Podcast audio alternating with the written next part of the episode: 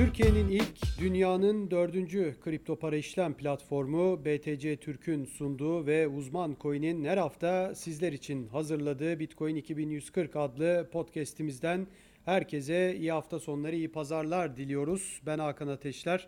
Arkadaşım Burak Köse ile birlikte yine yeni bir e, programla, podcast'le sizlerle birlikteyiz. Gerçekten Belki fiyat anlamında değil ama gelişmeler anlamında çok yoğun bir haftayı geride bıraktık.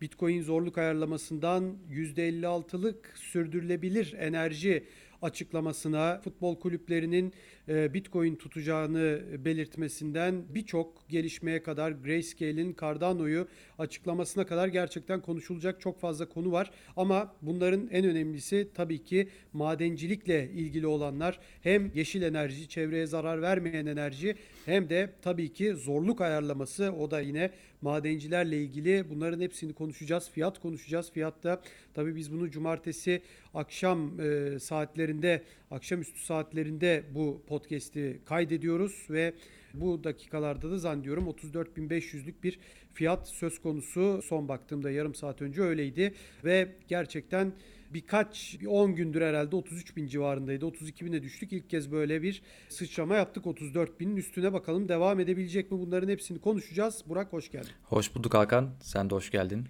Sağ ol, teşekkürler. Hemen istiyorsan e, zorluk ayarlamasıyla başlayalım. Günlerdir e, madencilerin beklediği zorluk ayarlaması geldi ve %28'lik bir düşüş oldu. Yanlışım varsa sen düzelt lütfen. Zaten sen açıklayacaksın ama şu andan itibaren herhalde %28 daha kolay madencilik oldu değil mi? Zorluğu azaldı, e, artmadı azaldı ve 2011'den bu yana en büyük düşüş. Hatta tarihinin en büyük düşüşü zannediyorum bu. Neler söylemek istersin? Ne getirecek? Tabii insanlar daha çok herkes fiyata etki eder mi diyor. Fiyatta mı düşecek yoksa yükselir mi? Madenciler kar alır mı?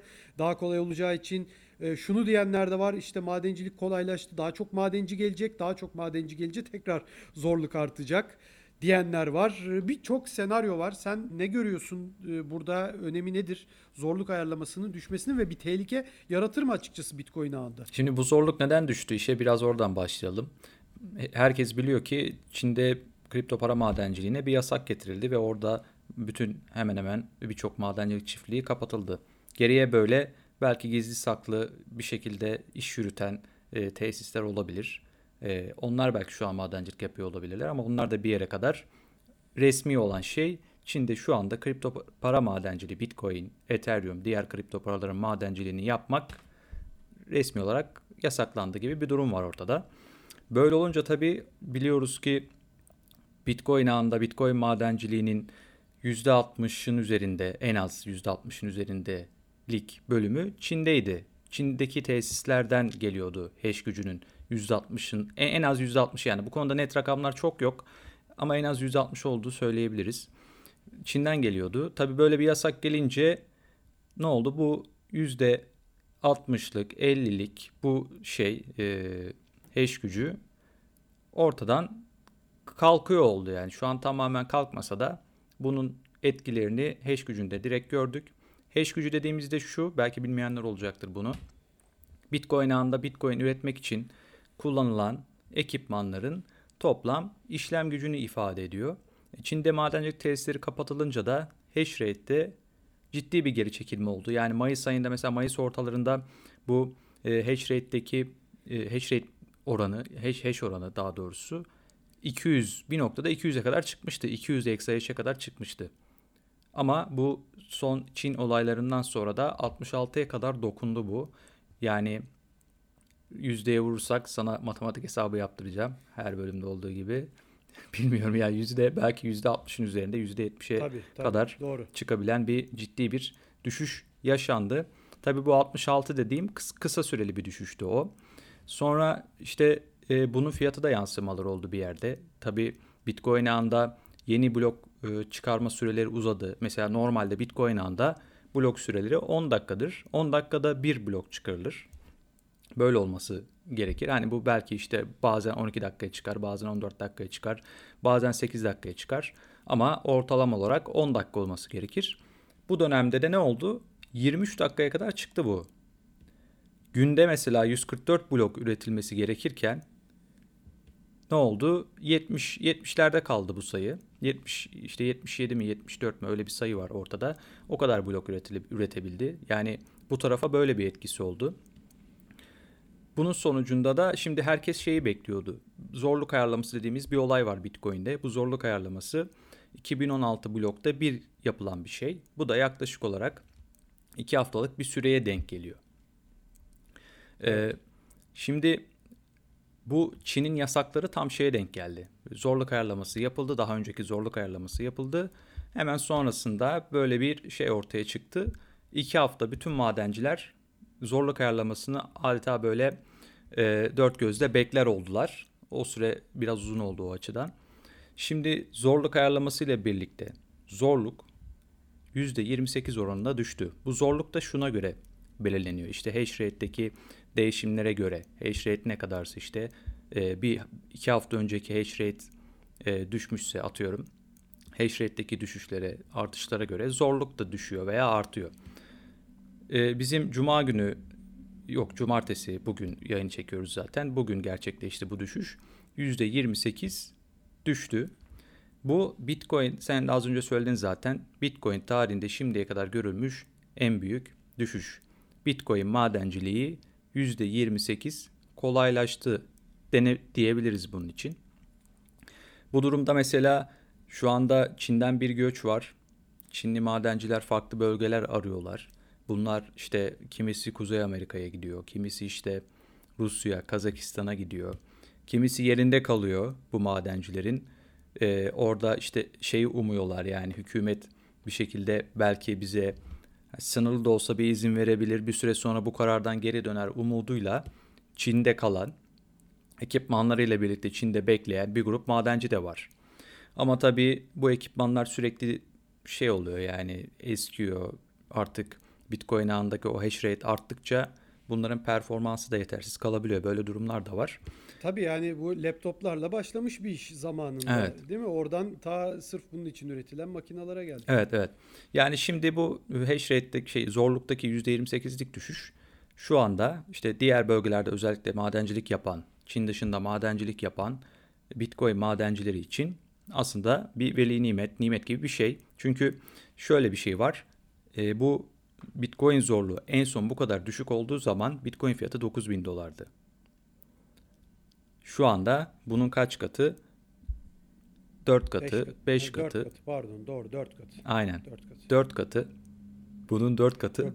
Keşke 5 katı olsa canım yani. Tabii, tabii, Şimdi aynen. 9000 olunca bir kat arttığı zaman Yani 9000 aslında-.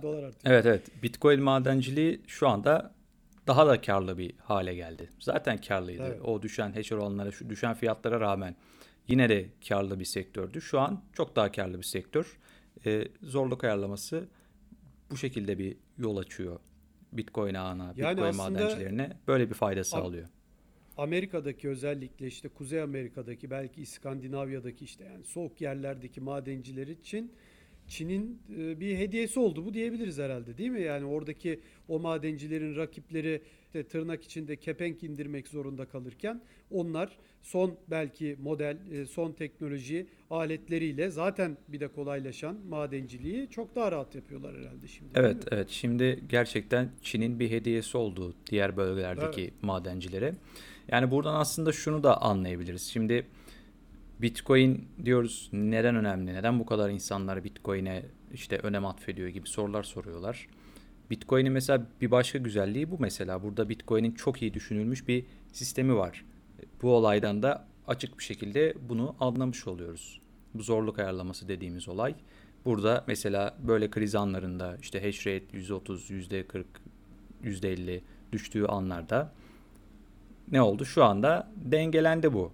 %28'lik bir zorluk düşüşüyle beraber buradaki bu kriz dengelenmiş oldu. Şimdi Şunu soracağım. Dengelenmeseydi ne olurdu? Yani böyle bir e, mekanizma olmasaydı ne olacaktı? Yine daha az sayıdaki yine bu teknolojik e, ekipmanlarla madencilik yapanlar yapmaya devam edecekti. Onu da bir söylersen sevinirim. Yani zorluk ayarlaması olmasaydı ne olacaktı? Artık e, orada şimdi hiçbir şekilde zorluğun ayarlanmadığını düşünelim. Sürekli zorluk artıyor. Bitcoin madenciliği mesela hash rate düşüyor. Buna karşın zorluk aynı kalıyor. Bu sefer fiyat düştüğü zaman da artık Bitcoin madenciliği ne olacaktı? Karsız bir Hiçbir şey olacaktı. kalmayacak. Tabii, ve tabii. ve bu bu teşvik mekanizmasını yok edecekti bu durum ortadan kaldıracaktı. Evet. Böyle bir önemi var burada zorluk ayarı, ayarı dediğimiz olayın. Yani şu anda tabii Çin'den dünyanın diğer bölgelerine bir göç devam ediyor. Henüz bu taşınma tamamlanmadı. İşte o cihazların sökülüp taşınması vesaire oraya nakli kolay süreçler değil. Mesela bir Ya O şirket da gideceğin yer belliyse açıkçası. Tabii, o da Yani var. Aynen. Hemen Kazakistan'a geçeceksin hemen diyelim ki yapacaksın. mesela en yakın hı. yer Kazakistan ama e, belli değilse bir fikrin yoksa onu arayacaksın, bulacaksın. Yani e, onu sormak istedim aslında. Sen üstüne denk geldin ama ben hemen araya gireyim sorayım. tabii Yani e, bir sonraki zorluk ayarlamasında da herhalde o zaman düşecek gibi duruyor bu zorluk. E, bu kadar olur mu? E, veya düşer mi sana göre? Ben Twitter'da baktım hani biraz da şeyciler nasıl diyeyim sana pesimistler, e, kabus geliyorcular. E, hani biraz bir 28 daha düşer, Bitcoin ağı tehlikeye girer gibi tweetlerde gördüm. Katılır mısın? Katılmam. Bitcoin ağının tehlikeye girmesi çok zor. Çünkü neden girmez? Mesela 2017'de Aralık ayında Bitcoin fiyatı 20 bin dolardı ve Bitcoin'de de yine ciddi bir kullanıcı kitlesi vardı. O zaman da hash rate'e baktığımızda 13 exahash seviyesindeydi mesela Bitcoin o zaman rekor kırdığı dönemde. Şu anda neredeyiz? 85 exahash, 90 exahash yani. Buradan Evet. bir %50 daha bu hash rate düşüş yaşasa, hatta oradan belki bir %50 daha bir düşüş yaşıyor olsa ben yine de tehlikeye gi- girmeyeceğini söyleyebil- söyleyebiliriz çok net bir şekilde. O yüzden bundan sonrası için şu olacak muhtemelen. Şimdi burada %28 daha kolaylaştığı için madencilik, madenciliğe talep de bir artış olacak. Bunun sonucunda hash rate toparlanacak, yüzün üstüne çıkacak. Kısa vadede muhtemelen tekrar 100 exahash'in üzerinde bir hash rate göreceğiz biz. Ama şimdi ne demiştik? 200 exahash'e kadar çıkmıştı Mayıs ayında. O seviyelerin gelmesi işte o biraz uzun sürebilir. Onun işte yıl sonuna kadar e, belki o seviyeler e, anca toparlanabilir. Tabi burada direkt Bitcoin fiyatıyla da bu işin direkt ilgisi var. Bitcoin fiyatı bir ay sonra bugünkünün iki katı olursa daha hızlı toparlanır tabii oradaki hash rate'de. Peki burada madenciler hemen geliyorlar mı? Yani şimdi nasıl diyeyim? Hani zorluk düştü. Peki düştü hani hemen böyle sırada bekleyen insanlar mı var öyle? Zorluk düştü hemen Olabilir. Veya Sırada insanlar ne yapıyorlar? Şimdi- Biz artık kar edemiyoruz. Hı hı. Eskiydi benim makinam diyor. Aa zorluk düştü. Benim makine eski ama bu zorluğu kaldırır deyip hemen makineyi mi açıyor? Ne yapıyor? Evet evet tam olarak bu ikinci söyle en son söylediğin. Şimdi bazı makineler var. Çok böyle 2017'de piyasaya çıkmış, 2016'da belki piyasaya çıkmış ma- makineler var. Bunlar şu anki durumda mesela eğer böyle bir zorluk ay- ayarlaması olmasaydı karlı değildi bu eski makineler. Evet, Birkaç evet. yıl önce üretilmiş bu makineler, bu makineler. Ama zorluk düştüğü zaman bunlar da artık karlı olmaya başlayınca bunlar da ağa katılıyor ve hash rate'i artırıyorlar bu şekilde. O yüzden tabii e, şöyle dedik az önce Çin'den göç sürüyor. Bu göçün hani hash rate'in tekrar toparlanması konusunda söyleyeceğim. Bu göçün ne zaman tamamlanır? Mesela geçtiğimiz günlerde bir şirket Kazakistan'a taşındı ve 240 kadar bir ekipman sevkiyatı yaptılar ve toplamda 2400-2500 ekipman oraya taşımayı planlıyorlar. Henüz 240 tane taşıdılar ve tamamının taşınması da bu ay sonuna kadar tamamlamayı hedefliyorlar. Yani önümüzdeki bir iki aylık bir süreçte anca göreceğiz biz bu göçün tamamlanıyor olmasını. İşte o zaman da hash Evet. rate'de tekrar artışlar göreceğiz muhtemelen bundan sonraki süreçte de. Peki bunun e, fiyata sence etkisi ne olacaktır? Yani hep fiyattan tabii bağımsız bir konu aslında. Yani çok da alakası yok e, Evet. gibi duruyor. Sen ne söylemek istersin? Biz tabii bu Bitcoin ağının güvenliği için çok önemli bir konu. Ama e, dediğin gibi yani %50 onun üstüne bir %50 daha düşse bile Bitcoin ağı e, ciddi bir tehlikeye girmediği için biz bunu peki neden bu kadar fazla konuşuyoruz? Yani bunu fazla konuşuyoruz çünkü hani insanlar şunu merak ediyorlar. Acaba işte Bitcoin madenciliğinde bir sıkıntı mı var? Bitcoin ağında bir problem mi Evet. var? Bir kriz mi çıkıyor falan. Herkes işte hani bu, bu, bu bir panik yaratıyor. Bu böyle bir şey. E, hash rate'deki bu sert düşüşler bir panik havası yarattığı için bu da fiyata da yansıyor. Bir panik satışı getiriyor. Evet. Şimdi Bitcoin madenciliğinin fiyata şöyle bir etkisi olabilir. Tabi doğrudan bir etkisi yok ama dolaylı olarak şöyle bir etkisi var. Eğer Bitcoin madenciliği kolaylaşırsa madencilerin karlılığı daha da artacak. Karlılık arttığı için madenciler bu operasyonel maliyetleri karşılamak için Bitcoin'lerini hemen elden çıkarmayabilirler. Bir süre bekleyebilirler. Eğer işte zorluk artarsa, madencilerin maliyetleri böyle başa baş noktasına yaklaşırsa o zaman bu maliyetleri karşılamak için hızlı bir şekilde elden çıkarıyorlar. Genelde eğilim bu yönde oluyor. Hızlı bir şekilde elden evet. çıkarıyorlar. Bu da Bitcoin'e bir miktar satış baskısı oluşturuyor madenciler tarafından.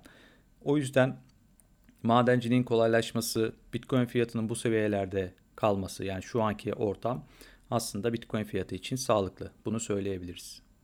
O zaman zorluk ayarlaması ile ilgili söyleyeceğim başka bir şey yoksa istiyorsan yine madencilikle ilgili bir başka konu. Madencilik konseyi. Yani evet. e, Michael Saylor e, hafta içi Perşembe akşamıydı zannediyorum Türkiye saatiyle çıktı. Birçok uzman e, madenciyi de bağladı. Birçok kişiyi bağladı. Orada bir %56'lık sürdürülebilirlik ben de not aldım kağıdımdan okuyorum. E, %56'lık sürdürülebilirlik bir oranın elde edildiğini açıkladı. Tabii herkes hemen Elon Musk'a bir sürü tweetler atıldı. O da %50'nin üzerinde bir madencilik olması durumunda Tesla'nın yeniden Bitcoin'le kabul edeceğini açıklamıştı aslında ama yani o tweet'e baktığın zaman tam da öyle yani %50'nin üstünde olursa ben Tesla'ya açarım demiyor yani açık açık. E, şunu ne, ne diyor orada? Ben onu da not aldım. Positive future trend diyor. Yani geleceğe yönelik bir pozitif durum da olursa yani şimdi o %50 yani Elon Musk konusu olduğu için bu detaylara giriyorum. Çünkü o şimdi zaten sessiz de kalıyor bu konuda. Hani şunu der o zaman geleceğe gelecekte böyle olacağını garantisi var mı diyebilir. İşte yani future trend yok burada pozitif değil. Yani belki 3 ay sonra yine %50'nin altına düşer gibi bir şey söyleyebilir. Bir de zannediyorum orada yani reasonable bir şekilde, makul bir şekilde demiş. Yani onun kelimesi olduğu için İngilizcesini söylüyorum. Yani hani yine bir bir başına sonuna sıfatlar koyarak sanki o %50'yi bir zamanını uzatma derdindeymiş gibi. Zaten ben ilk attığı tweette de bana çok inandırıcı gelmemişti hani %50'yi geçerse diye. Şimdi sürdürülebilirlik %50'yi geçince 56 olunca yani herkes Elon Musk'a tweet attı ama ben pek e, onun güven verici bir durum olduğunu da düşünmüyorum Elon Musk açısından. Yani o mutlaka bize hani bir, bir sebep bulacaktır. Yoksa hemen konuşması lazımdı şimdi. Mesela %50'lerin altında çıksaydı tweet atardı bence. Evet. Tabii tabii kesinlikle atardı. Ama işte şey de var. Şimdi bazıları bu işte %56'lık bir oran açıklandı. Şimdi Çin'deki madenciler biliyorsun taşınıyorlar dünyanın farklı bölgelerine. Hepsi değil tabii ki onu da söyledik az önce. Burada e, rate tabii eksiklik var biraz hash rate'de. Tabii hash rate eskisi gibi değil. Tabii. 100, 100'ün üzerinde değil, 200 seviyelerinde değil. O yüzden tam burada belki rakamların netliği tam sağlanamamış olabilir. O yüzden zaten bazı kesimler tarafından da eleştirildi, eleştirildiler biraz. Burada %56'lık bir oran var. Belki hani Elon Musk dedin ya hani bu, bu durum teyit edildiği zaman falan da gibi bir ifade de kullanılıyor, kullanıyor orada zaten. Yani hep bir evet, işte evet. Bitcoin'i tekrar kabul etmemeye dönük bir açık kapı hep bırakmış cümlelerinde zaten. Yani bir şeyleri bahane edebilir tabii. Böyle bir şey e, durum var ortada. Tabii tabii ben onu söylemek için o kadar uzun yani anlattım. Baya baya önüne başına işte pozitif future trend. Yani pozitif future trend ne yani? O sen kabul ederken vardı da bir ay sonra mı yok oldu o pozitif yani geleceğe yönelik pozitif olan olumlu trend yok oldu falan filan. Yani konuştuk tabii bunları ama yani o, o açıdan güven olmayacağını belirterek aslında bizi dinleyenlere, izleyenlere de onu söylemek açısından yani evet %50'nin üstünde çıktı hemen Elon Musk Tesla kabul edecek diye bir düşünceye kimse e, bence girmesin diye söyledim. Tabii girmemek lazım ama beklentide olabilirler insanlar. Biz de bekliyoruz bakalım yapabilir yani böyle bir açıklama yapabilir. Zaten hani Tesla'nın elinde de önemli miktarda bir Bitcoin var. Şimdi şey de yaklaşıyor. Temmuz 21'de mesela Tesla'nın bilançosu açıklanacak. Burada Bitcoin satışı yaptı mı yapmadı mı? Evet. Bitcoin aldı mı mesela? Burada belki Bitcoin satışı yapacak olsa e, Tesla bunun öncesinde Tesla diyebilir ki biz tekrar Bitcoin kabulüne başladık. Fiyatı tekrar zıplatır ve o noktada bir satış daha yapar daha kar elde etmek için Bitcoin'lerden. Nasıl daha önce tabii, yaptığı gibi. Tabii. Öyle bir şey bu önümüzdeki dönemde o yüzden meydana gelebilir diye düşünüyorum. Şimdi orada rapor açıklanırken bazı farklı rakamlar da verdiler. Mesela Bitcoin'in şu anda tükettiği enerjinin dünyada tüketilen toplam enerjinin %0.1'ine denk geldiği şeklinde. Bundan daha çarpıcısı bence şu. Şu anda Bitcoin ağında tüketilen enerjinin ABD'de harcanan boş, boş harcanan enerjinin %2.8'ine eşit. Bu evet. da e, raporun bence en çarpıcı bölümlerinden biri de buydu açıklanan rakamlarda. Yani hem öyle hem Bitcoin açısından öyle bir durum söz konusu hem de zannediyorum o akşam tabii bayağı yoğundu. Rakamları umarım karıştırmıyorum ama %66'lık bir enerji de boşa harcanıyordu galiba Amerika'da. Yani çok ciddi bir rakam bu bence. Yani e, Bitcoin zaten oluşturulan enerjinin ya oradaki zaten oluşturulan enerjide Bitcoin aslında hani yüzde 0,1 dedin ya Amerika'da o yüzde 2'ye çıkması çünkü Bitcoin'in harcadığı enerjinin yukarı çıkmasından dolayı değil. O yani Amerika'daki üretilen enerjinin düşmesinden dolayı. O kadar enerji boşa gidiyor ki kullanılan enerji düşüyor ve Bitcoin'in harcadığı enerjinin oranı da artıyor. Aslında daha düşük olması lazım. Ama o kadar çok boşa ve kaybolan enerji var ki bu anlamda yani orada da aslında Bitcoin daha masum bir duruş sergiliyor. Tabii o rapor belirtmek lazım. Boşa harcıyorlar enerjiyi. O yüzden Bitcoin sanki enerji harcıyormuş gibi gözüküyor. Tabii kesinlikle o rapor aslında Bitcoin'in bu harcadığı enerjinin ne kadar abartıldığını, ne kadar bu konudaki Tabii. endişelerin yersiz olduğunu çok net bir şekilde ortaya koydu. Zaten madencilik sektöründe şu anda ciddi bir şekilde bu temiz enerjiye yatırımlar yapılıyor. E, bütün işte evet. Kuzey Amerika'da çalışan madencilik şirketleri %100 e, temiz enerjiye geçmek için çalışıyorlar. Ki bazıları %100 temiz enerjiyle yapıyor bu işi. Onun dışında şuna da dikkat çekmek istiyorum. Bu, bu dönemde Çin'de hash gücü azaldı. Çinli madenciler cihazlarını kapattılar. Tesisler kapandı. Ama bu sefer ne oldu? Kuzey Amerika'da madencilik, madencilik sektörü hızlı bir şekilde gelişim göstermeye başladı. Oradaki şirketler e, çok ciddi siparişler vermeye başladılar. Birisi 30 bin, birisi 10 bin, birisi 12 bin madencilik cihazı satın aldılar. Yani bu açıkça gösteriyor ki artık hani hep bir şöyle bir evet. şey vardı zaten daha önce de seninle konuşmuştuk bunu. İşte Çin'den geçen yıldan beri böyle bir eğilim vardı. ABD'de maden, madencilik sektörü Çin'e göre hızlı bir şekilde gelişim gösteriyor. Çin'deki bu hash gücü bir kısmı oraya kayıyor ama bu Çin'deki son olaylardan sonra da bu kayış, bu eksen değiştirme çok daha hızlı bir şekilde gerçekleşiyor diyebiliriz. Evet yani bu da aslında Çin yönetiminin biraz da kendi ülkesine nasıl diyeyim çok da abartılı bir kelime söylemeyeyim ama yaptığı bir kötülük gibi duruyor. E, açıkçası belki onlar evet bir rakip istemiyorlar. Bu paranın gelişmesini istemiyorlar ama e, aslında onlar için de Amerikan doları dünyanın en büyük en güçlü parası dersek Amerikan doları karşısında da bir fırsat aslında diğer ülkeler için.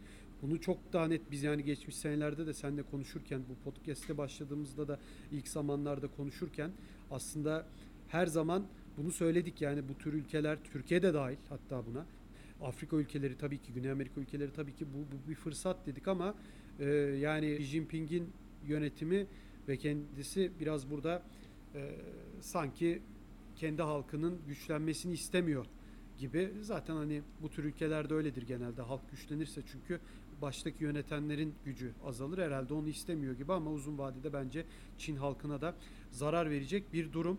Sürdürülebilir enerji ile ilgili şundan da fikrini alayım senin. E, tahmin ediyorum ama Meksika körfezinde de biliyorsun e, 3 Temmuz sabahı biz gördük. Tabii ki e, saat farkından dolayı bize göre e, sabah saatleriydi. Cumartesi sabah saatleriydi. Orada da bir petrol boru hattı patlamış okyanusun Evet, e, görüntüleri gördüm. altında. Korku yani filmi gibi. bir korku filmi gibi. Yani uzayda hani böyle dönen şeyler olur ya e, ne derler kara delikler döner böyle hani etrafındaki alev ve gaz bulutlarıyla birlikte resmen e, bir kara delik gibi suyun üzerinde alevler yanıyordu ve çok ilginç yani şey yapmışlar espri yapmışlar işte e, Fed'in para basması gibi oradaki sulama gemileri de denizden su çekip alevin üstüne zaten suyun üstünde yanıyor ama ona rağmen hani suyun üstündeki alevi suluyorlar. Hani böyle bir garip bir ironi vardı orada. Onunla ilgili fikrini de merak ediyorum. Yani Bitcoin bu kadar kötü. İşte Bitcoin çevreyi kirletiyor. Bitcoin üretimi işte kömür yakılarak üretilen enerjiden geliyor falan filan derken işte bir petrol boru hattı patladı. Yani bu bu bir Bitcoin mesela üretim merkezi olsaydı atıyorum ve orada bir patlama olsaydı e, düşünemiyorum herhalde Amerika'nın geleneksel medyasını. Tabii tabii kesinlikle çok ciddi bir şekilde abartırlardı ve her yerde manşetlere taşırlardı. Bitcoin okyanusu yaktı derlerdi. evet evet muhtemelen buna yakın şeyler olurdu orada. Yani çok net zaten sen de özetledin. Çok net bir iki yüzlülük var burada. İşte burada çok ciddi bir çevre felaketi var. İşte bir petrol boru hattı patlıyor ve okyanus yanıyor resmen orada. Ee, böyle bir çevre felaketi karşısında hiç böyle çok da işte e, petrol şöyle bir felaket, böyle bir felaket böyle yüksek perdeden tabii ki belli başlı eleştiriler var ama yüksek perdeden Bitcoin'de olduğu gibi böyle bir eleştiri yağmuru görmüyoruz oralarda ama söz konusu Bitcoin olduğu zaman ki Bitcoin'in tükettiği enerji ne ki yani tüm bunların yanında Bitcoin olduğu zaman da işte bugün mesela geçtiğimiz günlerde bir tane e, ABD'li senatör böyle açık açık ki kıdemli de bir senatör aslında Bitcoin'i yasaklayalım, Çin'in peşinden gidelim. Çin doğru yapıyor, Çin'in yaptığını yapalım gibi açıklamalar yapmıştı mesela. Böyle bu şekilde Bitcoin düşmanı. O yüzden yani evet burada da net bir şekilde iki yüzlülüğü görüyoruz ve şu anda dünyada bunlar yaşanırken Bitcoin'in çevresel etkisinin yani bir sıralama yapsak burada Bitcoin'in işte çevresel etkisi burada herhalde işte değerlendirilmesi gereken belki ilk 20'de bile olmaz muhtemelen. Onun öncesinde çok daha farklı bambaşka, çok daha çevreye çevreyi kötü etkileyen başka sektörler ortaya çıkacaktır. Evet yani bu da bir net bir ikiyüzlülük göstergesi. Tabii. Yani o hatta Michael Saylor da o Bitcoin konseyi konuşmasında söylemişti. Şunu söylemişti. Yani Bitcoin'in enerji harcadığı e, ne kadar enerji harcadığının büyük seviyesini, büyüklüğünü göstermek için onu küçük ülkelerle kıyaslıyorlar demişti. Ama evet. işte %01 çıkınca orada her şey belli olmuştu açıkçası. Hani onu bile göstermek için yok Arjantin kadar, Türkiye kadar veya başka ülkeler kadar ki onlardan daha az zannediyorum ama Türkiye'nin %40'ı mıydı öyle bir şeydi ama yani e, gerçekten bu anlamda herhalde çok da söylenecek bir şey yok diyelim. Yavaş yavaş istiyorsan biraz da fiyat konuşalım. Fiyat konusunda şöyle yani senle son herhalde bir 10-12 haftadır yaptığımız podcastlerde belki daha da uzun e, hiç olumsuz bir yorum e, yapmadık. Çünkü yani ben kendi bu konuyla bu konuyu anlayan anlamayan birçok arkadaşımla konuştuğum zaman bir teknik analiste olmadığım için genelde temel konulara, geleneksel haberlere bakmaya çalışıyoruz bu konuda. E, yani hiç kötü haber yok açıkçası. Yani burada onun için ben fiyatla ilgili de bir kötü bir yorum yapıl, yapılacak durumda olduğumuzu da hiçbirimizin yani teknik açıdan konuşmuyorum tabii ama genel manada hiç düşünmüyorum. Bakıyorum sabit coinler inanılmaz şekilde basılmaya devam ediyorlar. Bakıyorum dünyadaki bütün gelişmeler bu yönde devam ediyor. Fiyatta tamam bu da düşmüş hali bu kadar krizler, badireler atlatıldı. E bakıyorsun fiyat 33-34 binlerde e, Aralık ayında 20 bini geçti diye seviniyorduk. E, altcoin'ler e, ilk o yükseldikleri seviyelere geri döndüler. Yani düştüler ama aslında belirli ilk başta o bir çıkış yaptıkları seviyeye döndüler. Yani burada ben pek kötü bir şey göremiyorum fiyatla ilgili ama sen neler söylemek istersin? Yani biz zaten daha çok orta vade ve uzun vadeli bir yorum yapıyoruz. O yüzden tabii, tabii. hani biraz da temelden hareket ediyoruz ve aslında olumsuz bir tablo görmüyoruz ortada. Ben yine şunları söyleyeceğim. Şimdi birincisi e, bugün de onun ilgili haberini yaptık. Şeyde baktığımızda CME'de Bitcoin kontratlarında işlem yapan varlık yöneticilerine baktığımızda onlar işte son birkaç haftada bu Bitcoin düşerken son bir ayda işte Nisan'dan beri özellikle çok böyle ciddi şekilde short taraftaydılar. Short pozisyonlar long pozisyonların iki katıydı, üç katıydı. Öyle bir görüntü vardı. Grafiklerden görünen oydu. Ama en sonki rakamlar gösteriyor ki burada varlık yöneticileri ve varlık yöneticilerinin kurumsal yatırımcıların CME'deki Bitcoin kontratlarında işlem yapan kurumsal yatırımcıların short ve long pozisyonları arasındaki makas neredeyse eşitlenecek ölçüde daralmış. Son rakamlar şöyle hatırladığım kadarıyla 542 kontrat long tarafında varken 619 kontratta short tarafında var. Ama bu rakam bundan işte Nisan ayında işte Nisan ayında long ile short arasında 2-3 kat fark vardı en az. Böyle bir görüntü vardı. Ve son dönemde de işte son haftalarda da long pozisyonları artırdıklarını görüyoruz. Bu da şunu gösteriyor ki varlık yöneticileri burada işlem yapan kurumsal yatırımcılar şöyle düşünüyor. Bitcoin'in bu pozisyonların gösterdiği Bitcoin'in yükselişe geçeceği yönünde bir inançları var. Tabii bu son veriler 29 Haziran. En son bu verileri CFTC veriyor. ABD Emtia Vadeli İşlemler Komisyonu veriyor bu verileri. Ama onun verdiği en son veri işte 29 Haziran verisi. Ondan sonrasını bilmiyoruz ama verilen son veriye göre görüntü bu yönde. Ondan sonra mesela kurumsal yatırımcıların ve diğer işte bireysel yatırımcıların yatırım yapabildikleri mesela Bitcoin ETF'ine bakıyoruz. Purpose Bitcoin ETF'i şu anda en çok işlem gören Bitcoin ETF'i. Kanada'da işlem görüyor. Bu Bitcoin ETF'inde de son günlerde hızlı bir şekilde yukarı doğru bir tırmanış var. Yönetim altındaki Bitcoin varlıklarının sayısına baktığımızda buraya da yatırımlar artıyor. E bu da şeyi gösteriyor. Buradaki Bitcoin'e olan güveni gösteriyor. Bu fiyat düşüşlerinin bir yatırım, bir alım fırsatı olarak evet, evet. değerlendirildiğini gösteriyor açıkçası. Onun dışında mesela geçtiğimiz günlerde SoftBank bir tane Brezilyalı kripto para borsasına 200 milyon dolar yatırım yaptı.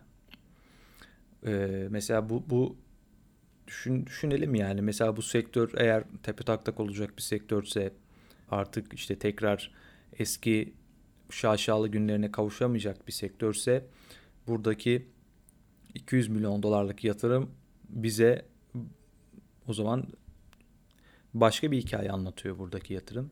Ki bu yatırımlar sadece bir örnek verdim. Çok farklı Amerika'da devam ediyor, Avrupa'da devam ediyor.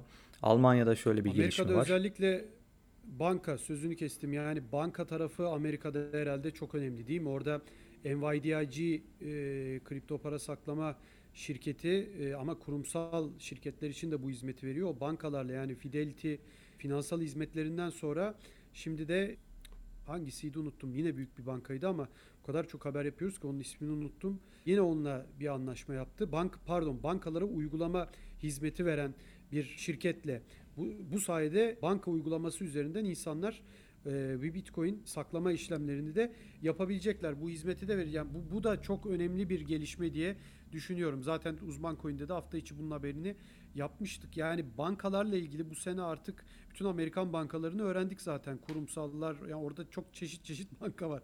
Zaten e, bizimki gibi değil.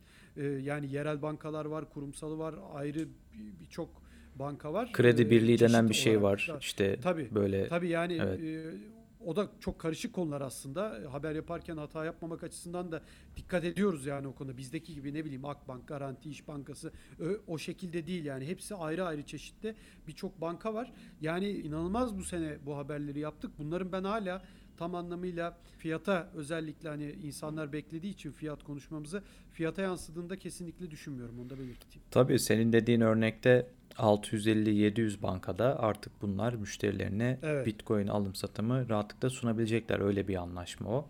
Ki onun öncesinde, onun hemen birkaç gün öncesinde de yine aynı kurum benzer bir anlaşma daha yaptı bankalarla bu şekilde. Avrupa'ya gelelim. Avrupa'da Almanya yeni bir yasa onaylandı, devreye girdi 1 Temmuz'dan itibaren. Artık evet. işte orada özel fonlar, bunların toplam büyüklüğünün 1.8 trilyon euro olduğu söyleniyor. Bunların %20'sini, bu miktarın %20 kadarını Bitcoin'e, Ether'e, kripto paralara ayırabilecekler. Artık böyle bir izin çıktı. Bu ne demek? İşte %20'si ne yapıyor? Yaklaşık 325 milyon euro gibi bir rakam yapıyordur. Bu rakam mı? Milyar. E pardon aynen. Milyar euro. Evet evet 325 milyar euroluk gibi bir rakam yapıyor yaklaşık olarak. Bunun e, Bitcoin'e başta olmak üzere kripto paralara gelebileceğini artık önünün açık olduğunu gösteriyor bu gelişme. O yüzden böyle temel gelişmeler artık orta ve uzun vadeye baktığımızda Bitcoin fiyatında yine olumsuz bir tablo ortaya koymanın yersiz olduğu anlamına geliyor bana kalırsa. Evet e, yani geçtiğimiz haftalarda da yine kurum ismini yabancı olduğu için unuttum ama bir emeklilik fonu da e, zannediyorum e, yine yüzlerce milyar dolarlık bir emeklilik fonu da yüzde beşe kadar yine Bitcoin'e yatırım yapılma izni e, vermişti müşterilerine. Onu da belirtelim Amerika'da. Yani bu da çok büyük bir rakam. Zaten orada yani emeklilik fonları da biliyorsun Amerika'da önemli bir Tabii çok ciddi sana, büyüklükleri var. Tabii tabii çok önem verilen bir nasıl diyelim dünya oradaki piyasa. Dolayısıyla onun da yüzde beşi küçük küçük ve çok fazla müşterisi var. Gerçekten emeklilik fonu dediniz mi Amerikalıların kalbi duruyor. O anlamda o kadar ciddi bakıyorlar. Orada bile hani e, ciddi şekilde bir ben bunu mesela benim de bir tane böyle küçük çok her ay ödediğim e, aslında çıkmak istediğim ama imzalamışım artık çıkamadım. Onun gibi bir emeklilik fonum var. Onu demiştim ki bunu hani Bitcoin yapsak hani hep Bitcoin çekseniz küçük küçük ona çevirsek olmuyor mu demiştim. Olmuyor demişlerdi bana. Benim bile aklıma gelmişti yani bir, bir iki sene önce zannediyorum sormuştum. Aslında bizde de olsa ona izin çıksa Tabii. birçok insan kabul edebilir yani ayda çok da değil yani ayda mesela 100 lira çok büyük bir rakam değil yani 10 dolar belki 150 lira olsun. Ya bunu her ay ve düşünsene bozamayacaksın mesela yani artık 10 yıl o şekilde bir e, imzalayacaksın. Ben öyle imzalamışım bozamıyorum. yani orada artık birikti bir miktar ama keşke Bitcoin yapabilseydim. Onu iki sene önce söylemiştim. Yani bu fiyat artışından önce de e, eğer yapsaymışız iyi tutarmış ama işte önden teknolojik ben kalmışım. Şirketler teknolojiye benim teknolojime ayak uyduramamışlar. Yani işin şakası bir yana bu anlamda çok ciddi gelişmeler var dünyada. Yani fiyat anlamında bu açıdan olumsuz bir şey söylemesi insanların bana çok mantıksız geliyor diye düşünüyorum. Yani şunu belki söyleyebiliriz. Şimdi El Salvador konusunda da ilginç gelişmeler var. Son olarak biraz onlardan bahsedelim.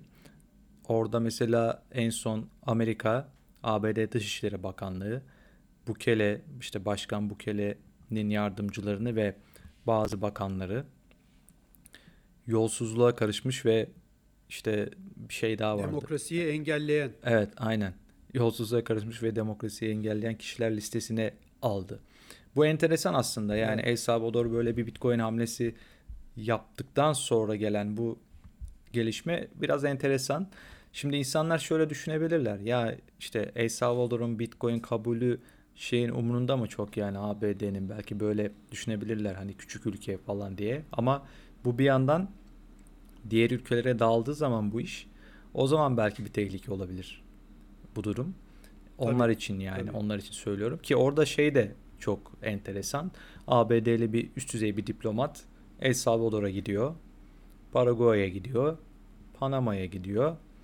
Ve bu üç ülkeye baktığımızda hepsinde El Salvador Bitcoin'i yasasını geçirdi. Yasal para artık yasal olarak orada Bitcoin yasal para.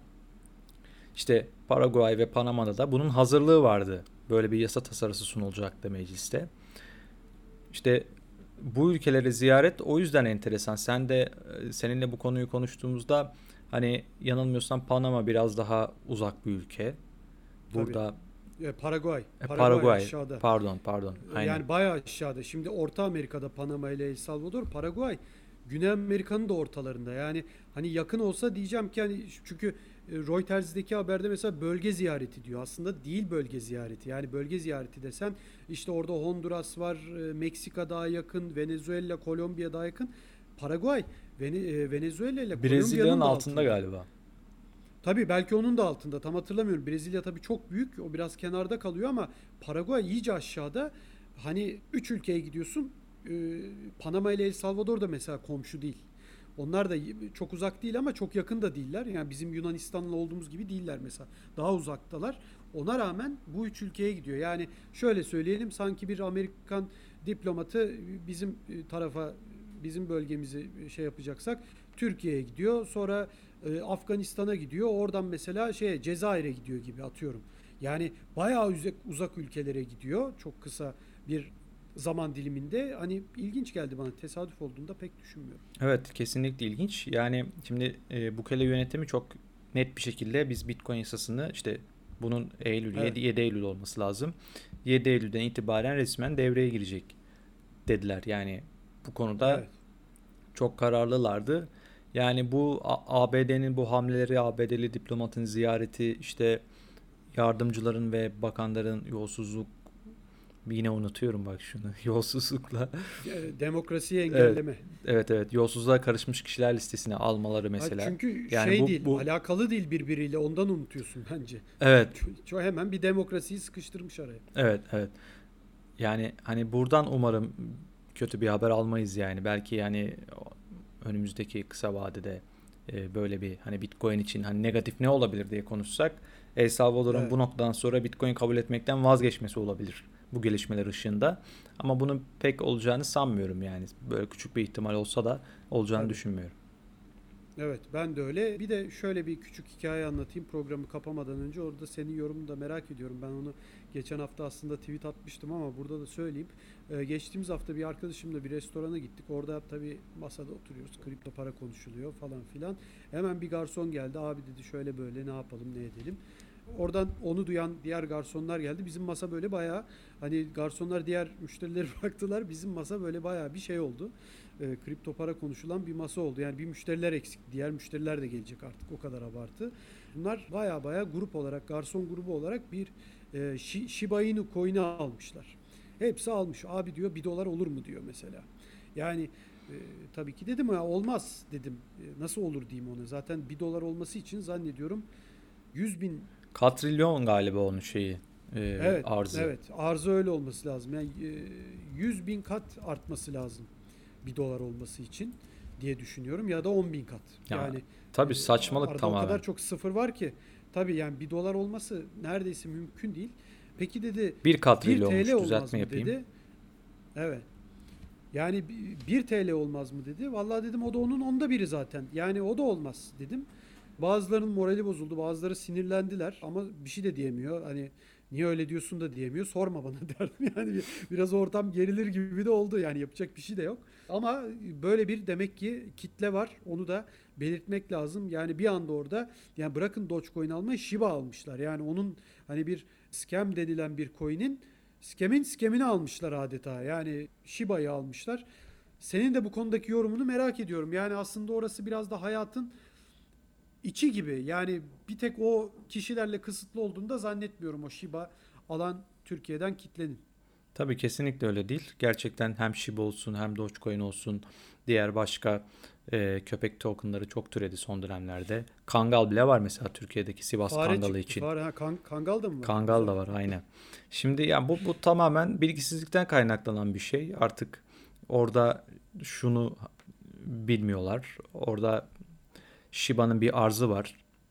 Şu anda bir katrilyonluk bir arzı var. Yani piyasada Tabii. bir katrilyon Shiba olacak.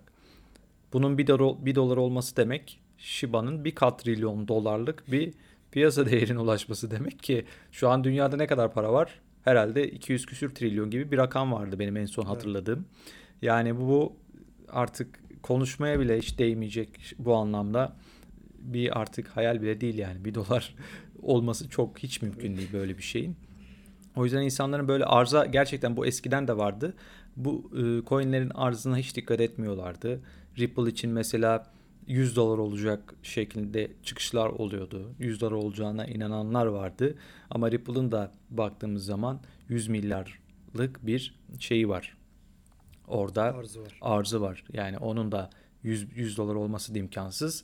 10 dolar olması da belki zor. Yani hadi o biraz Tabii, daha tabii. imkanlı gibi görünse de o bile zor görünen bir şey. O yüzden burada tamamen bilgisizlikten kaynaklı olarak işte bu e, tabii bu piyasa gerçekten bu piyasanın birçok terimleri, yabancı terimleri var. İşte hani normal finansal piyasalara benzemeyen karışık teknik terimleri var. Yani bunlara hakim olmadan, bunlar konusunda başlangıç seviyesinde en azından bir bilgiye sahip olmadan yatırım yapmak zaten doğru değil. Eğer yapılıyorsa da Tabii. bu artık göle maya çalmak gibi bir şeye giriyor herhalde.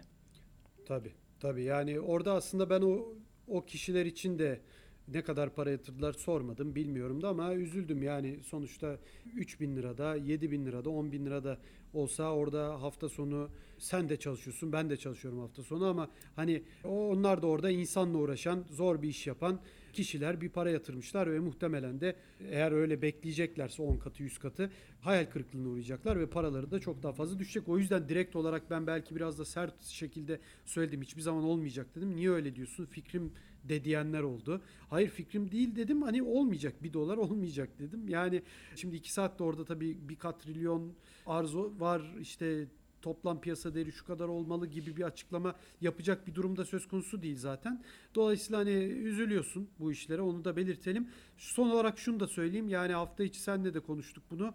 Yani bir hamster coin diye bir şey çıktı ama yani Jack Dorsey'nin falan herhalde hamster coin'i destekleyeceği falan da yok. Değil mi? Onu da belirtelim. Yani gidip de Jack Dorsey e, hamster coin alıyor, destekliyor e, gibi dedikodular üzerinden de sakın hamster coin falan almayın. Yani alıyorsanız da kendiniz almak istediğiniz için alın. Belki tutar diye.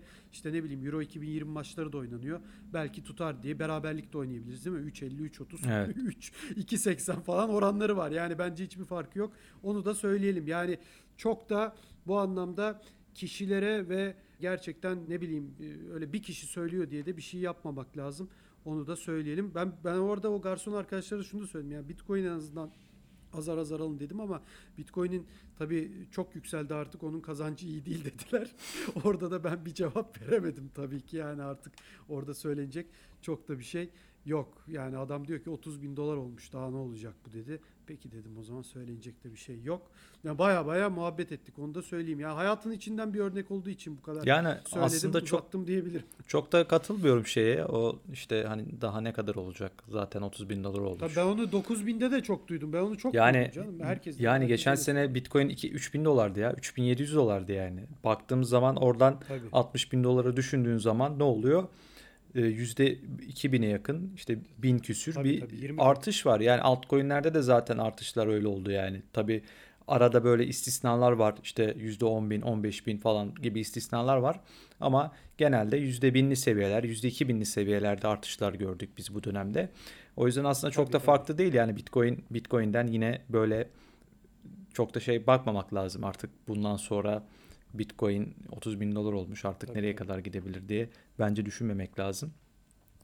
Bu Jack Dorsey Doğru. konusunda da Jack Dorsey'nin Bitcoin'den başka desteklediği hiçbir şey yok zaten. Jack Dorsey daha önce dedi ki ben bütün hayatımı Bitcoin'in Bitcoin'e olan erişimi artırmak için bundan sonra çabalayacağım diye net bir açıklama yapmıştı. Yani o anlamda Ethereum'u bile artık şey diyor yani onu bile reddediyor. Ee, ki şey nerede? Hamster coin. o yüzden bunların tamamı safsata gerçekten e, Jack Dorsey'in hamster coin'i falan destek, desteklediği yok. Böyle söyleyenlere de inanmayın. Tabii. Evet onu da belirtelim. Çok teşekkürler. Ağzına sağlık. Ben teşekkür ederim Hakan. Senin de ağzına sağlık. Evet bir podcast'i daha sonlandırıyoruz. Türkiye'nin ilk, dünyanın da dördüncü kripto para işlem platformu BTC Türk'ün sunduğu ve uzman coin'in her hafta sizler için hazırladığı Bitcoin 2140 adlı podcast'imizi sonlandırdık, bitirdik. Çok konu var. Umarız yavaş yavaş bundan sonra da Bitcoin ve madencileri e, güçlü şekilde yoluna devam edecektir diye bir umudumuzu da söyleyelim. Herkese iyi pazarlar, iyi haftalar. Gelecek hafta görüşmek dileğiyle.